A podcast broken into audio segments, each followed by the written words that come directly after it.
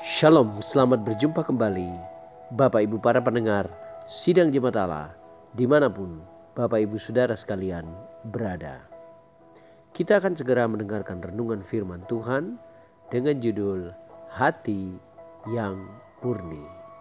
Teks kita terambil dalam Lukas pasal 1 ayat yang ke-28 Salam Hai engkau yang dikaruniai Tuhan menyertai engkau Bapak Ibu para pendengar yang dikasihi oleh Tuhan Yesus Kristus, Ratu Elizabeth I dari Inggris yang memimpin pada tahun 1558 sampai dengan 1603 berusaha untuk menerapkan sebuah reformasi di dalam kalangan gereja yang ada waktu itu. Gerakan itu dikenal sebagai gerakan Puritanisme karena penekanannya pada kelahiran baru dan kemurnian dari pribadi-pribadi orang percaya. Adanya doa dalam rumah tangga dan moralitas hidup yang benar. Orang-orang yang memeluk gerakan ini disebut para Puritan karena mereka ingin memurnikan gereja dari semua hal yang hanya bersifat seremonial menjadi suatu karakter, kebiasaan hidup yang mempermuliakan Tuhan dan menjauhkan diri dari hal-hal yang berbau duniawi.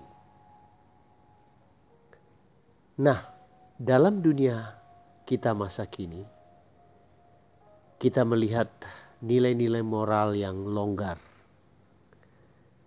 pemahaman-pemahaman yang menyimpang, bahkan pola pikir yang tidak sesuai dengan Alkitab mungkin saja dapat kita anut karena kita telah menerima informasi-informasi itu dari berbagai latar belakang.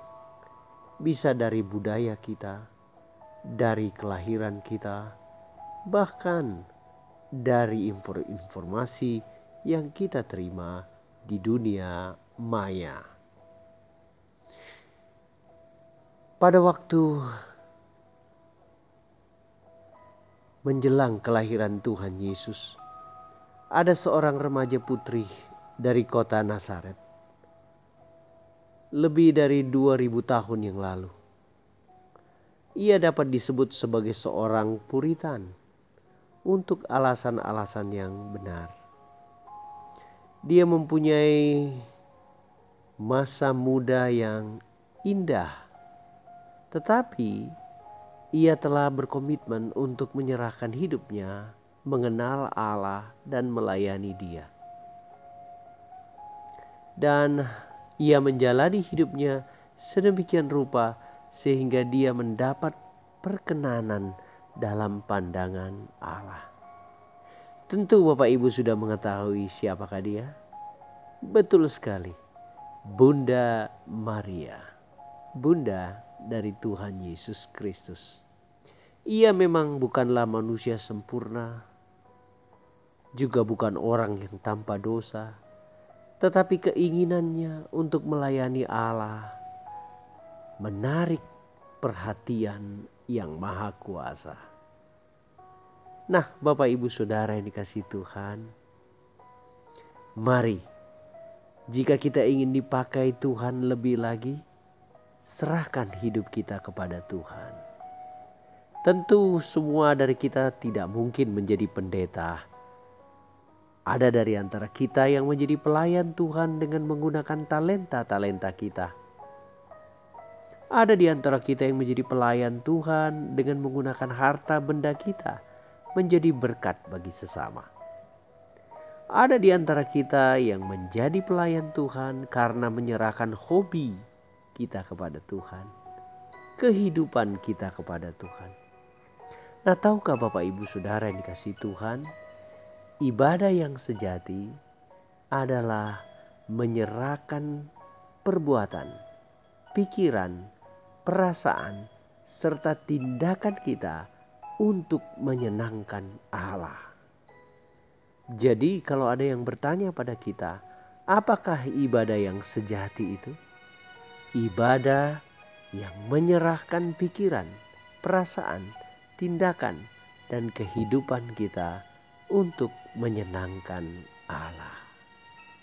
Nah, Bapak Ibu para pendengar dikasih Tuhan, itulah yang dilakukan oleh Bunda Maria.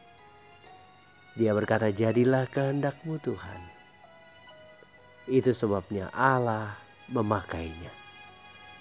Tahukah Bapak Ibu Saudara sekalian, Sang Pencipta menciptakan kita ke dalam dunia ini tentu punya tujuan. Kita menciptakan ballpoint, penghapus, mistar, semua ada tujuannya, bukan? Demikianlah Allah menciptakan kita. Kita senang kalau ballpoint itu mengikuti keinginan sang pencipta yaitu manusia untuk menulis.